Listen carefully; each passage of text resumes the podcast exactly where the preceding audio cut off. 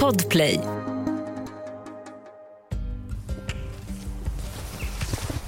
Här är en liten doft av gris. Absolut. Eh, jag bor ju också vid en grisgård så att jag vet, eh, det är kanske inte den största fördelen med att bo nära en, grisgård men, men å andra sidan då eh, så genererar det, vi hör nu det stora mängder kajer i luften, det genererar mycket insekter eh, som lever utav eh, den, eh, den dynga som grisarna producerar och en, sån här grisgård är också då väldigt rik på fåglar för de har gott om mat, mycket insekter.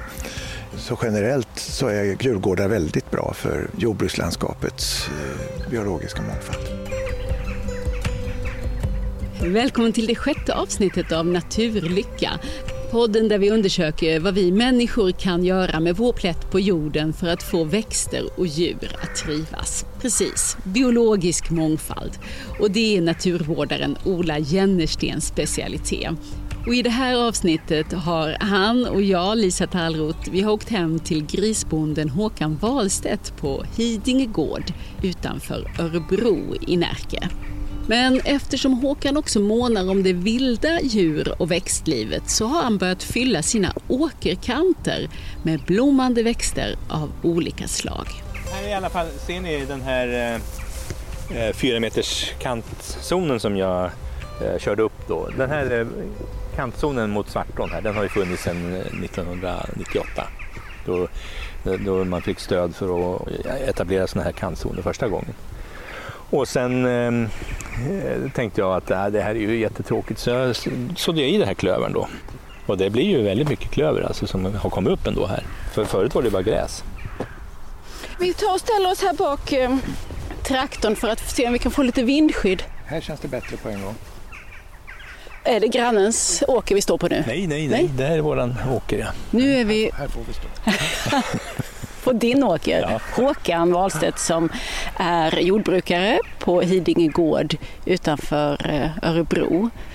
Ja, vi har en gård som, eh, med grisproduktion och eh, en hel del växtodling då för att föda upp våra grisar så går det åt lite foder och då eh, odlar vi det själva till stor del och vi köper in även en hel del foder men eh, mycket odlar vi själva. Och det vi odlar är ju spannmål olika slag, vetekorn och sen så har vi ärtor och bönor som vi också utfodrar grisarna med. Då. Och sen odlar vi lite potatis och lite eh, lin. Och sen så har vi också eh, sedan några år tillbaka etablerat en ökad biologisk mångfald så vi har lite kantzoner. Det är ju därför som ni är här nu då. Ja men precis, för att eh, det, det, vi står på är ju en stor åker där det just nu inte händer så mycket. Vad är statusen för den här åkern? Ja den är ju skördad sedan eh, en vecka tillbaka och eh, nu ska vi etablera en ny gröda här till hösten, då, till vintern. Här. Så vi, ska, vi brukar till den nu med en tallriksharv och sen så ska vi så höstvete här om någon dag bara. En sån här åker är ju exempel på det du brukar prata om Ola som en, det blir ju liksom en monokultur. Det blir en grej på den här stora åkern. Det, det, man, man skulle säga det, det är ett fantastiskt eh, odlingsställe för människomat. Men baksidan är ju att det är en öken för de flesta djur som inte hittar så mycket mat här. Jag brinner ju för pollinatörer och, och, kan man då se som det är här med att det växer klöver i kanterna, det är solrosor, det är allt möjligt som Håkan har planterat så, så då blir jag jätteglad. För det är ju kantzoner som vi ska prata om framförallt idag, för det är det du har sysslat med. Och det, vad, är, vad är en kantzon? Det får du börja med att berätta. Ja, först skulle jag vilja säga, jag tycker inte riktigt att det är en öken då, jag säga. det finns mycket djur här. Vi har både kronhjortar och vi har rådjur och vi har vildsvin och allt möjligt som trivs här och det är mycket rovfågel och, och annan fågel med. Men, men eh, det, det, är ju en monokultur, det är ju inget snack om den saken som eh, vi skulle kunna fräscha upp med lite kantzoner. Och det har vi ju nu gjort här nu vi har eh, en kantzon som vi har haft bara på gräs ut med hela våran svartå här då. Som vi har en skyddszon som har varit minst 10 meter bred eh, ut med svartån. Och nu sedan några år tillbaka så fräschar jag upp den här gräskantzonen med, genom att så i eh, lite klöver och olika slags klöver, lite kärringtand och lite lucern. Och jag körde helt enkelt med min såmaskin fram och tillbaka ända tills det var svartjord med en rapid såmaskin som bearbetar samtidigt som den kan så. Då. Så jag körde med den utan att så först eh, fem, sex gånger fram och tillbaka och sen så sådde jag. Och på det viset så fick jag bort eh, gräset eh, lagom mycket så att klövern och alla de andra Eh, örterna kunde blomma upp och, och gro och komma igång. Och eh, nu har det ju funkat faktiskt här nu sedan tre år tillbaka. Så vi har fått in väldigt mycket klöver i kantzonen som bara var gräs förut. Det här som du har, kallar nu då kantzoner, är det sådana här snuttar som blir över som du inte egentligen kan göra göra något annat med? Det kan det vara. Det är sådana utrymmen skulle ju vara jättebra att göra någon, någon insådd på utav någon blommande örter eller någonting. Eh, alltså klöver pratar vi ofta då. Men, men äh, även ut med kanter som då, äh, där man har behov av att skydda ett dike eller som kan vara vattenförande eller så. Då är det ju jättebra att anlägga en, en zon som är blommande äh, istället för bara gräs. Då. då ökar man ju den biologiska mångfalden väldigt mycket. Och då blir Ola glad. Det är ju vad han kämpar för, att man ska öka den biologiska mångfalden. Men jag tänkte bara fråga, finns det något annat att, att tjäna på det här? Vad, vad är vinsterna i övrigt med en, en blommande kantzon?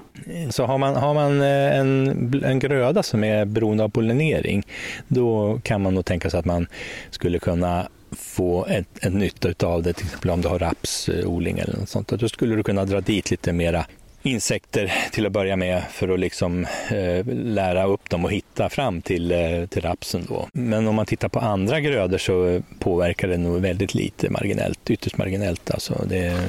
det finns en rolig grej och det är en av medlemmarna i vårt gemensamma projekt har ju sett det att när man kör traktor här ute då har man brunnar som, som dräneringsbrunnar som sticker upp här och där. Och med de här stora redskapen man har numera så är det lätt att slå till dem där. Så att om man tittar på åkrar så är det ofta oftast de här brunnarna sneda. De har körts på förr eller senare. Och Martin, en av killarna i gänget, han har använt den här blommande insådden runt alla sina dräneringsbrunnar med ja, 6 eller 12 meter i radie då runt omkring dem. Och där missar han aldrig kommer aldrig dit med sprutan och han kommer aldrig dit med såmaskin eller någonting annat när han är ute och gör sitt dagliga värv så att säga. Så för honom har det varit fantastiskt eh, som en, en, signal i landskapet att eh, här finns det hinder. En liten vinst att slippa reparera sina Verkligen. redskap. Ska vi ta upp något mer på vinstsidan tycker du? Ja, alltså de, här, de här kantzonerna, vi pratar om, om sandwichmodeller, alltså olika kantzoner som kan ligga i kant med varandra. De här kan vara flera olika saker. Det kan vara då för pollinatörer, det kan vara avrinning av näringsämnen ifrån åkern, det kan vara sprutdrift när man är ute och sprutar.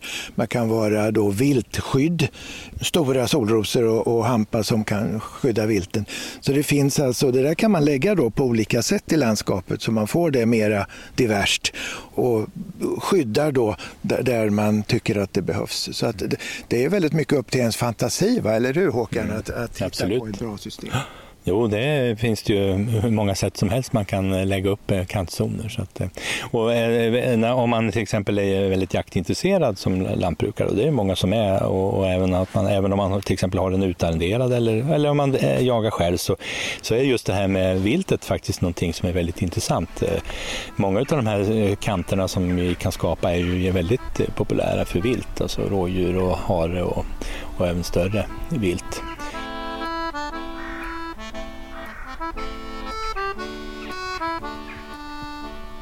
Vi har ju varit ute och åkt här lite nu på Närkeslätten, Ola och jag, och jag ser ju att det inte är överallt som man, har, som man kör med sådana här kantzoner. Ibland tar det bara tvärt slut där åkern slutar. Och vad skulle kunna vara anledningen till att man inte ger sig i kast med det här?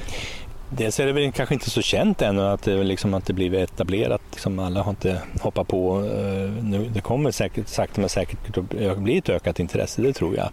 Men eh, sen är det ju en hel del kostnader eh, förenat med det här och framförallt tid. Som det går åt en hel del tid att så det ska skötas och klippas eller, eller putsas och lite sånt där. Och, och tid är någonting som lantbrukare har väldigt dåligt om, tyvärr. Mm. Men det är klart att om man finge ett, ehm, i och med att det finns så mycket annat inom lantbruket som eh, stöttas från statsmakterna så skulle man kunna tänka sig ett stöd för eh, att odla sådana här kantzoner så skulle säkert intresset öka. Och det, och det, är ju någonting som man resonerar om nu, den här nya perioden för jordbruksstödet, att man får in ett ettårigt stöd där folk kan testa det här och få då en, en peng för att man eh, odlar de här goa plantorna under ett år. Finns det möjlighet att få ersättning då, då blir det något helt annat. Men för sen kostar det ju också att du köper in de här fröna som du fyller dina kantzoner med. Är det en kännbar kostnad? Vad, vad kostar ja, det, det kan, det, Man kan hitta alla möjliga kostnader för det här. För det finns ju, dels kan man ju tänka sig att man ska så in en, en äng, till exempel en gammal klassisk äng och då ska man köpa ängsfröer som är helt kopiöst dyra. De kan kosta uppemot en 30 000 kronor per hektar om man skulle etablera de allra dyraste bäst av de här ängsblandningarna som finns. Så det, är ju, det är ju inte möjligt. Eh, de allra flesta lantbrukare skulle kunna klara sig med kanske en 100 eh, kronor per hektar eller någonting, eller någonting i den storleksordningen.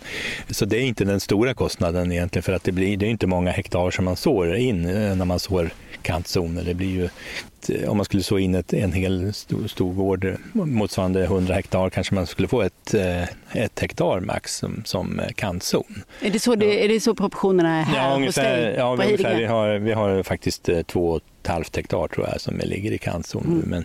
Men, men det är ungefär en procent av åkerarealen som vi har ligger i kantzon. Men det, den stora kostnaden är egentligen arbetet och tiden att göra allt det här. Det är egentligen så.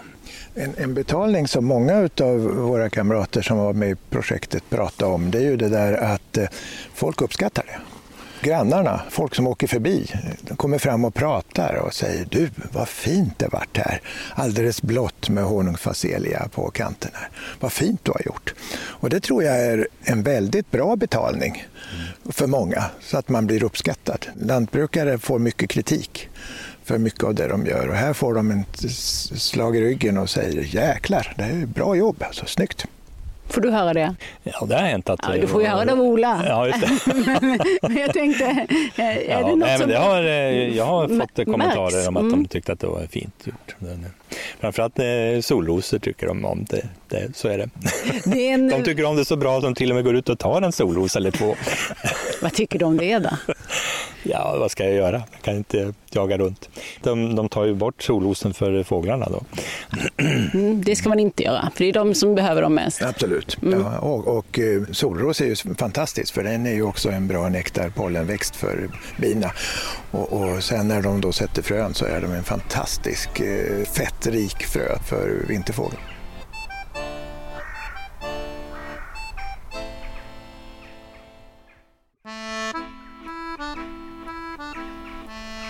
Vi ska titta på lite olika kantzoner som du har, där du har haft olika fröblandningar och de ser ju såklart också olika ut, olika blommor, olika växter. Bara det där, räkna ut vad man skulle kunna fylla sin kantzon med. Hur, hur vet jag det? Ja, man kan ju söka information på många ställen. Vi har ju haft det här projektet eh, som heter Samzoner. Eh, jag är ju väldigt engagerad i en förening som heter Ordning i balans och eh, vi har ju haft projekt ihop med flera andra Eh, Lantmännen, Hushållningssällskapet, WWF och eh, Svenskt växtskydd, Jara och flera andra som är, är engagerade i svenskt lantbruk. Jobbat med de här eh, och tagit fram eh, olika typer av blandningar som finns att, att hämta information om nu. Då på Odling Balans eh, hemsida och kanske på WWFs hemsida. Jag vet inte om ni har något än. Lantmännen har och, och Hushållningssällskapet har säkert i sin rådgivning en hel del information om vad man kan ha för olika typer av blandningar. Och, och det har även tagits fram av fröfirmorna då en massa blandningar som man skulle kunna använda. Och det var roligt för att det var ett 20-tal lantbrukare då som var prövare som, som använde de här eh, blandningarna och vi fick eh, under den treårsperiod var det väl vi höll på. Inventerade på insekter och på fåglar och fick då resultat. Och nu eh, hoppas jag att det blir, vi har skrivit en rapport ifrån det här projektet som blir en liten bok om det går som vi vill. Eh, men texten finns i alla fall och, och, så det skulle kunna vara något för framtidens intressenter att titta på. Även om det finns mycket djur här så att jag menar, är man humla och flyger över ett havrefält så är det inte många blommor att besöka utan det gör en väldigt stor skillnad om det är en sån här fin blomsterkant som, som vi ser här.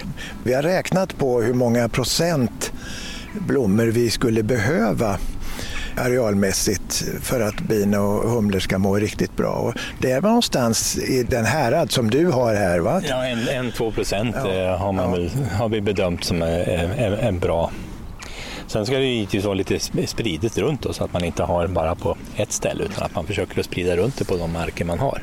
Viktigt att veta att i det här projektet också, det är ju en av testerna vi har, att de inte är invasiva.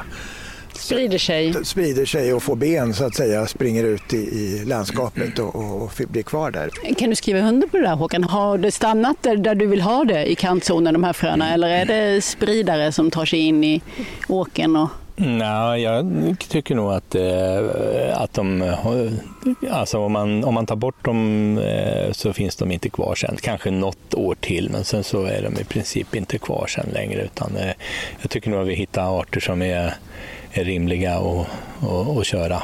För det vill vi absolut inte ha något som blir något nytt eh, ogräs eller som eh, någon ny lupin som växer runt alla vägar och, och liksom etablerar sig. Men eh, jag tycker inte vi kan se det utan det håller sig på mattan som det verkar. En misstänksamhet i början bland e-, er brukare var naturligtvis att det här blir ogräs tillhåll. Att man får massa åkertistlar och annat som sprider sig från de här ytorna. Och det har också varit en bit i, i projektet att lära oss hur vi ska sköta de här ytorna så att inte tistlarna ska liksom få ner fötterna för djupt i jorden så att säga.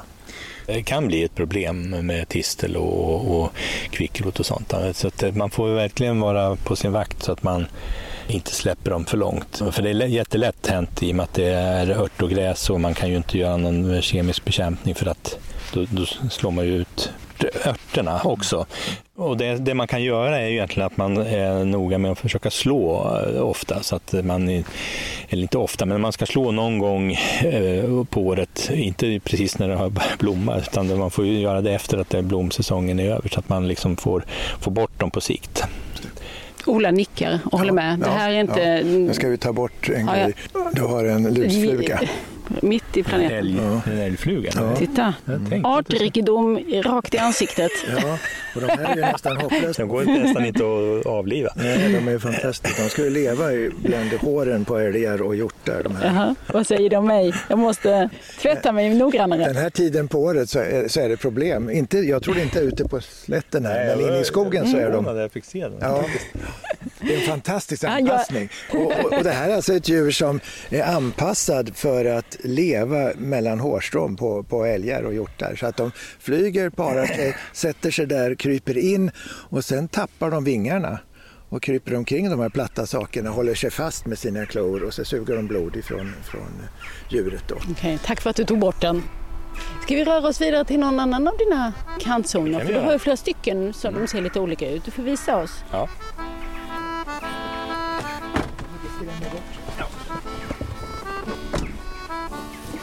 Här har vi solrosorna.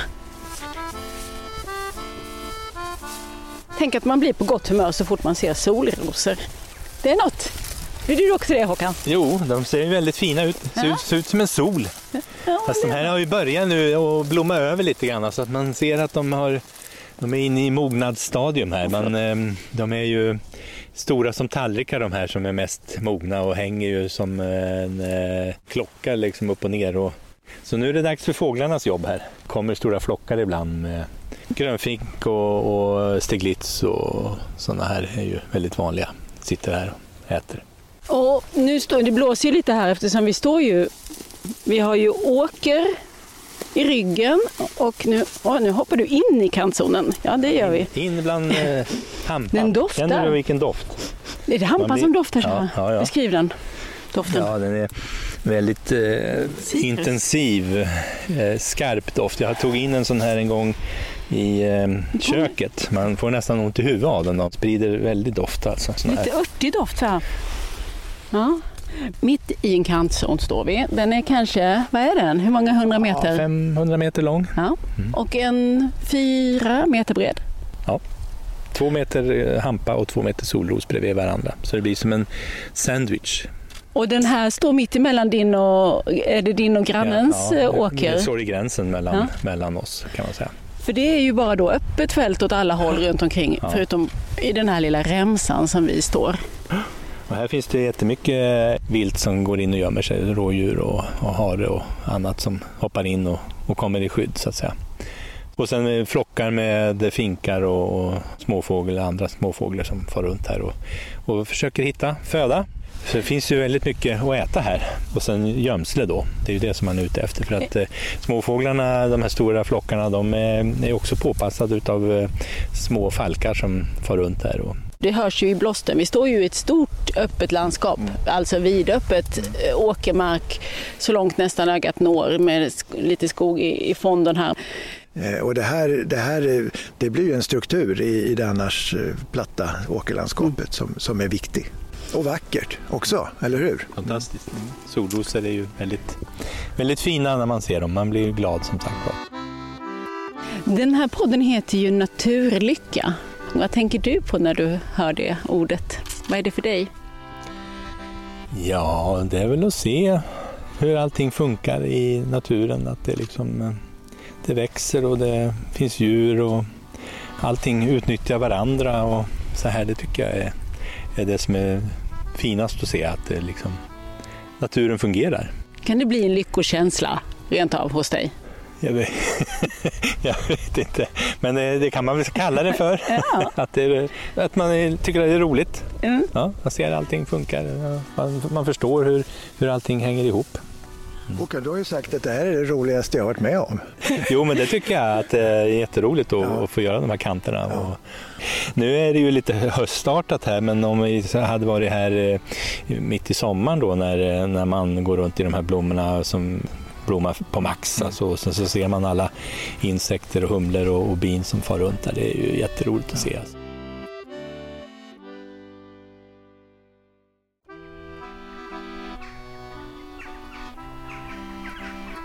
Att eh, anlägga kantzoner, det är ju bara en liten del av vad du sysslar med på dagarna. För du ska ju framförallt se till att dina grisar har det bra och att din potatis växer. För det är ju din stora produktion. Ja. Så hur hänger de ihop för dig, de här delarna? Det här liksom, hållbarhetsarbetet och arbetet för biologisk mångfald som, som du har gjort här med kantzonerna. Sen till din stora del av ditt jordbruk. Kan du liksom applicera det här tänket där också? Ja, det försöker vi ju att jobba med, med växtodlingen och, och, grisarna med, att vi får en hållbar produktion. Om det är det du menar så eh, jobbar vi ju väldigt mycket med det ändå. Och vi eh, använder ju till exempel eh, HVO 100 när vi kör i, med våra traktorer. Det är ju en, en biodiesel kan man säga som är helt fossil släpper ut noll, eller 90, 90 procents reduktion av eh, koldioxidutsläppen när vi använder den. Så det har vi ju gjort i flera år nu och kört med. Det tycker jag är, är, känns bra att köra med den. Och på när det gäller grissidan så har vi, jobbar vi väldigt mycket med hållbarhetsfrågor också. Vi har gjort en eh, energikartläggning så att vi har liksom en plan för hur vi ska minska användningen av fossil energi. Så att vi har ju minskat vår eh, användning av diesel och så och, gått över mer och mer på eh, eldrivna anläggningar, då, eh, omrörare och, och, elevatorer och så vidare. Så allting drivs ju med el nu då. Och då är det ju bara upp till de som säljer elen att, att den är fossilfri då. Eh, och sen så har vi även jobbat väldigt mycket med att använda alternativa fodermedel till grisarna så att eh, vi använder, eh, återanvänder så att säga livsmedelsindustrins rester då kan man säga. Så att vi har ju använt mycket bröd genom åren, spillbröd så, som har gått, det bäst före-datum gått ut och vi använder väldigt mycket spillmjölk. Det är ju en, en produkt från mejerier som då blir när man diskar ledningar och så vidare. Och vi använder även öljäst som blir när man byter öljäststammar i bryggerierna. Då. Så allt det här används till våra grisar så att vi blandar upp fodret, spannmålen och ärtorna och bönorna med, med den här eh, västprodukterna. Då. Så att ett oerhört bra sätt också att minska eh, klimatpåverkan på grisarna att vi eh, använder de här produkterna historiskt sett så har ju grisarna alltid varit djur som tar hand om resterna från, som, från människan. Man slängde ju åt eh, gamla tiders grisar då matrester från, från hushållet. Så att, eh, det här är en fortsättning på det kan man säga. Mm. Fast mer storskaligt. Det, det, är en väldigt stor eh, andel av Sveriges grisproduktion som, som produceras på det här viset. Jag, jag föreställer mig ändå att du också hela tiden måste parera den här balansen mellan att bedriva en affärsmässig verksamhet och sen att du också vill jobba för eh, hållbarhet och du är engagerad i att gynna den biologiska mångfalden. Är det här en svår balans? Är det ständigt liksom en konflikt eller? Nej, inte en konflikt är det ju inte när det gäller att ta bort varit eh, fossil diesel och fossil brännolja så har det ju inte varit en konflikt. Det har ju varit en, plus egentligen att man kan minska, för det är ju dyrt att köpa in så att säga. Så att, eh, det har ju varit ett rent plus då. Sen är det ju när vi går ut på fältet och får de här kanterna och det, det har ju liksom varit eh, en kostnad kan man ju säga till viss del då, som, som man tar då. Men jag ser liksom att um, Eh, jag driver ett rationellt lantbruk med växtodling där jag använder eh, de insatsmedel som jag behöver. Jag använder handelsgödsel, jag använder bekämpningsmedel och så vidare för att jag menar att det, det måste gå att göra det på ett uthålligt sätt. Då. Bekämpningsmedel till exempel är många som hänger upp sig på att det är svårt att få att bli uthålligt men bekämpningsmedel är faktiskt väldigt klimatsmart. Eh, väldigt, väldigt, liten kostnad, väldigt liten koldioxidutsläpp när du tillverkar ett bekämpningsmedel. Och du får dessutom en rationell eh, ogräsbehandling utan en massa körning. Du kör en gång med ett väldigt brett redskap och man får får en väldigt litet utsläpp just i ogräsbehandlingen i, om man räknar på det i eh, en konventionell odling jämfört med en eh, ekoodling där man då måste radhacka och köra många, många gånger och det blir liksom inte lika rationellt. Det finns andra fördelar med det då givetvis, men, men eh, det, det jag menar är att kemisk bekämpning är rationellt och ger en väldigt liten klimatpåverkan. Men som kompensation då så kan man säga att då använder vi de här kantzonerna då för att liksom eh, gynna biologisk mångfald eh, på ett bra sätt hoppas jag. Att man liksom, trots att man då använder bekämpningsmedel och det mesta jag använder är egentligen ört, för att bekämpa ört och gräs. Vi använder väldigt lite bekämpningsmedel för att bekämpa insekter till exempel. Det har, jag, jag har inte gjort det i år. Jag har inte använt någon insekticid i år till exempel.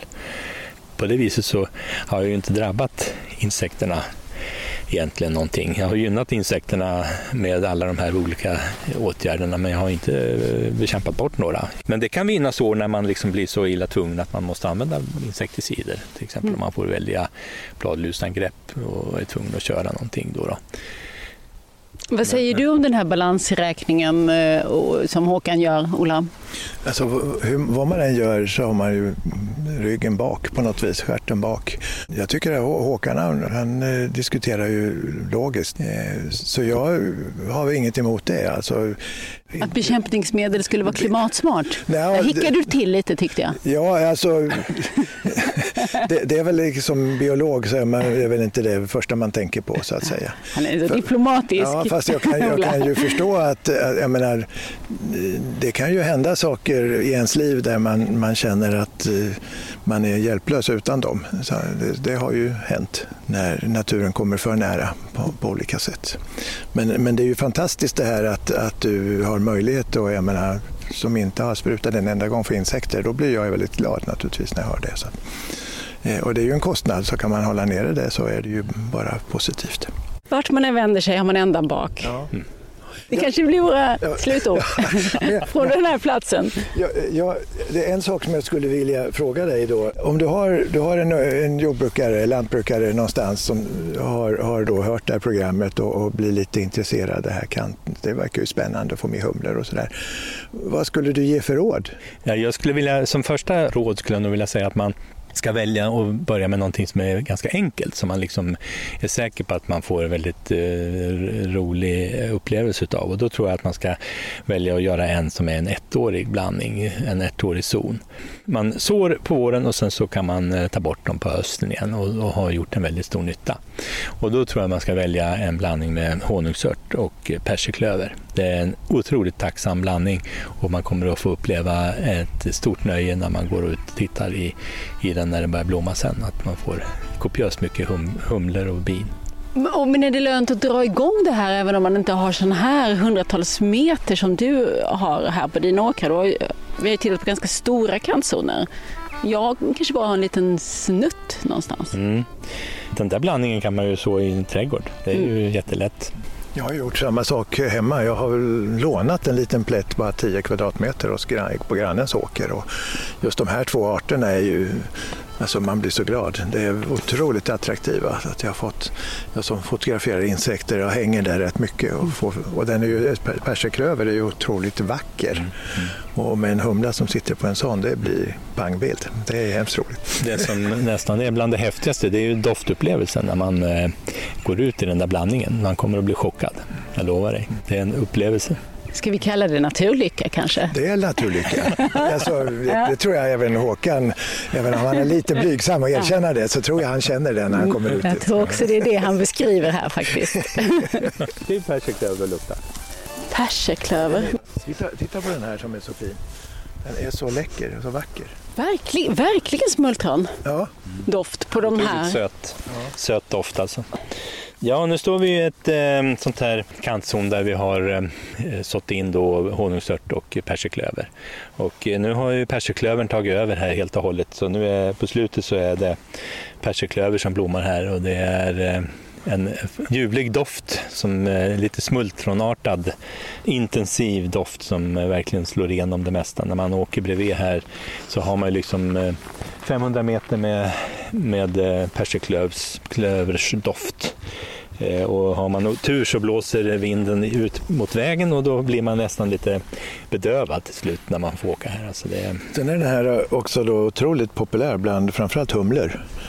Vi har en, en, en art som heter haghumla som eh, är jättemycket på den här hemma i alla fall. Säkert du också här. Eh, den, är populär. Just nu så är det, det är ju sent september. Drottningarna har krupit ner och samhällena håller på och eh, försvinner. Vi har sett några få humlor idag bara. Men... Mm.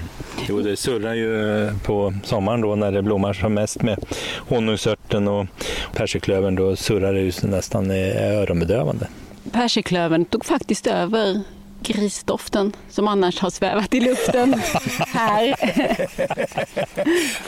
så är det ju. När man är grisbonde ja, ja, så kanske man inte känner det. Nej, nej. Men vi som kom in här idag, vi kände ju ändå att här bor grisar. Eller hur? Absolut, ja. Jo, det, det, går inte att ta miste på. Kantzonen har många fördelar tydligen. Ja. ja, för nu är det med den här eh, klöversmultronartade doften som vi istället avrundar för idag. Va? Ska vi göra det Ola? Ja, vi får göra Och tacka Håkan Wahlstedt så mycket för att vi fick traska runt här i dina kantzoner och lära oss mer om dem. Trevligt att ha dig här. Tack så mycket. Håkan Wahlstedt på Hidinge gård var det där. Och vill du veta mer om kantzonsprojektet som Håkan och Ola har jobbat med då ska du kolla in hemsidan Odling i balans. Som vanligt hade Ola kameran med sig och hans fantastiska bilder på de djur och växter vi pratat om i programmet kan du se på Instagram. Sök på Naturlycka Ola Jennersten. Och resan fortsätter. Nästa gång ska vi träffa Mats Rosenberg, mannen som lyckades förvandla en soptipp, alltså ett riktigt vidrigt ställe, till ett paradis för växter, djur och människor. Drömmen var ju att barna i Örebro skulle kunna få plocka mandelblom, kattfot och blå viol. Eller, eller få se dem i varje fall på riktigt. Vad är det vi har sjungit om på skolavslutningen i flera år?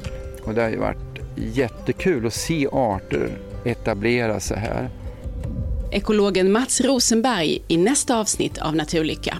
Och vill du veta ännu mer om biologisk mångfald och våra olika arter, då ska du såklart läsa Ola Jennerstens bok med samma titel, Naturlycka alla avsnitt av Naturlycka hittar du i gratisappen Podplay eller nytt avsnitt varje torsdag på alla andra plattformar.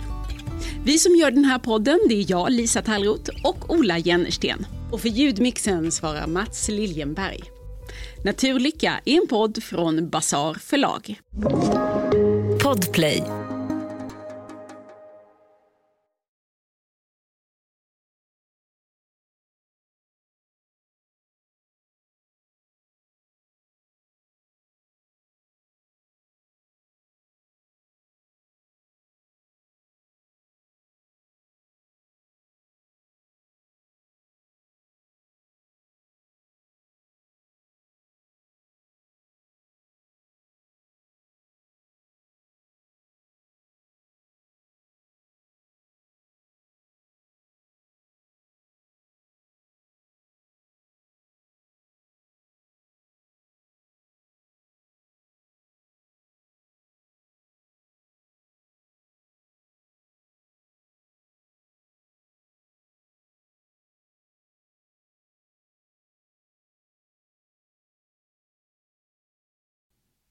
Följ oss gärna på Instagram. Där finns Olas alla bilder från våra utflykter och djuren och växterna vi pratar om.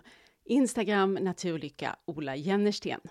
Och vill du lära dig ännu mer om biologisk mångfald så finns också Olas bok som heter just Naturlycka. Den här podden görs av mig, Lisa Tallroth och Ola Jennersten och för ljudmix står Mats Liljenberg. Alla avsnitt av Naturlycka finns i gratisappen Podplay. Naturlycka är en podd från Basar förlag.